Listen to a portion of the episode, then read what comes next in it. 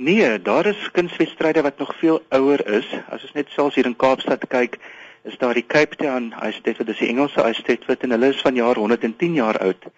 Stellenbosch is egter 'n kleiner kunswedstryd en daarom dink ek ehm um, eintlik dat dit merkwaardig is dat dit nog so lank kon bestaan, veral ook gesien dat daar soveel kunswedstryde net in die Wes-Kaap omgewing is.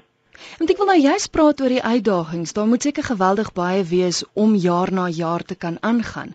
Wat was van die grootste uitdagings oor die jare?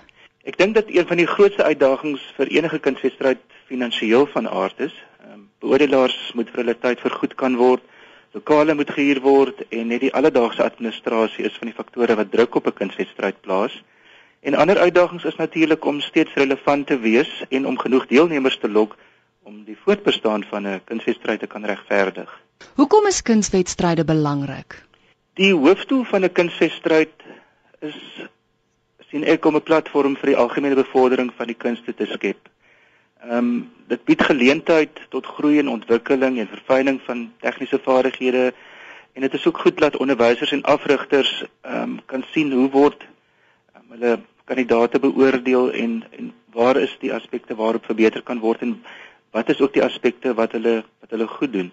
Nou kyk, ek was jare terug op skool gewees en dis het ek jare terug aan kunswedstryde deelgeneem. Vinnig net gou, hoe werk dit? Wie mag deelneem? Is daar verskillende rondes?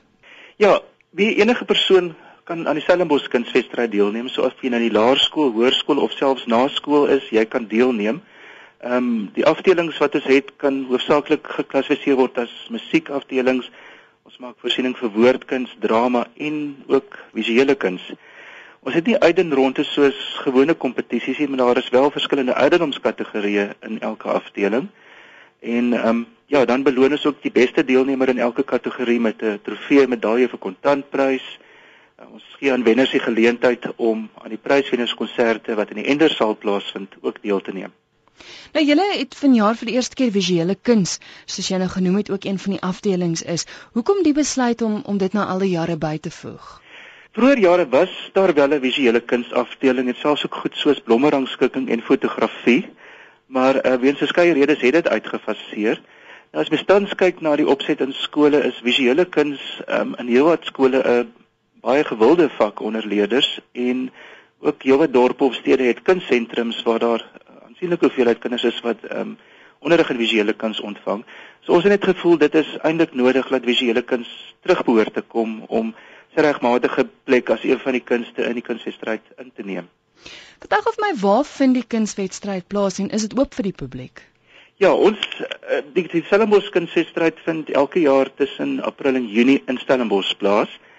En vanjaar is ons nou baie gelukkig om vir eerste keer die kunsfeestery by slegs twee hoë venues aan te bied. In die verlede wat ons maar ehm um, staat gemaak op skole se goedgunstigheid en het ons die biblioteek of die saal of 'n klaskamer maar moes gebruik.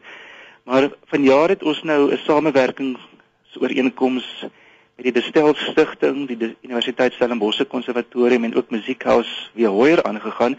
Wat beteken dat die meeste afdelings nou by die Oude Libertas teaterkompleks uh, net buite Stellenbosch aangebied sal word.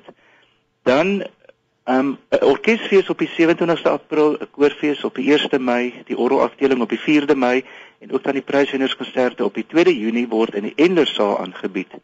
Nou die publiek is baie welkom om al hierdie afdelings by te woon. Dit al die uh, afdelings by die Oude Libertas kompleks word gratis of se toegang is gratis, maar by die Endersaal sal daar wel kaartjies by die deure te koop aangebied word.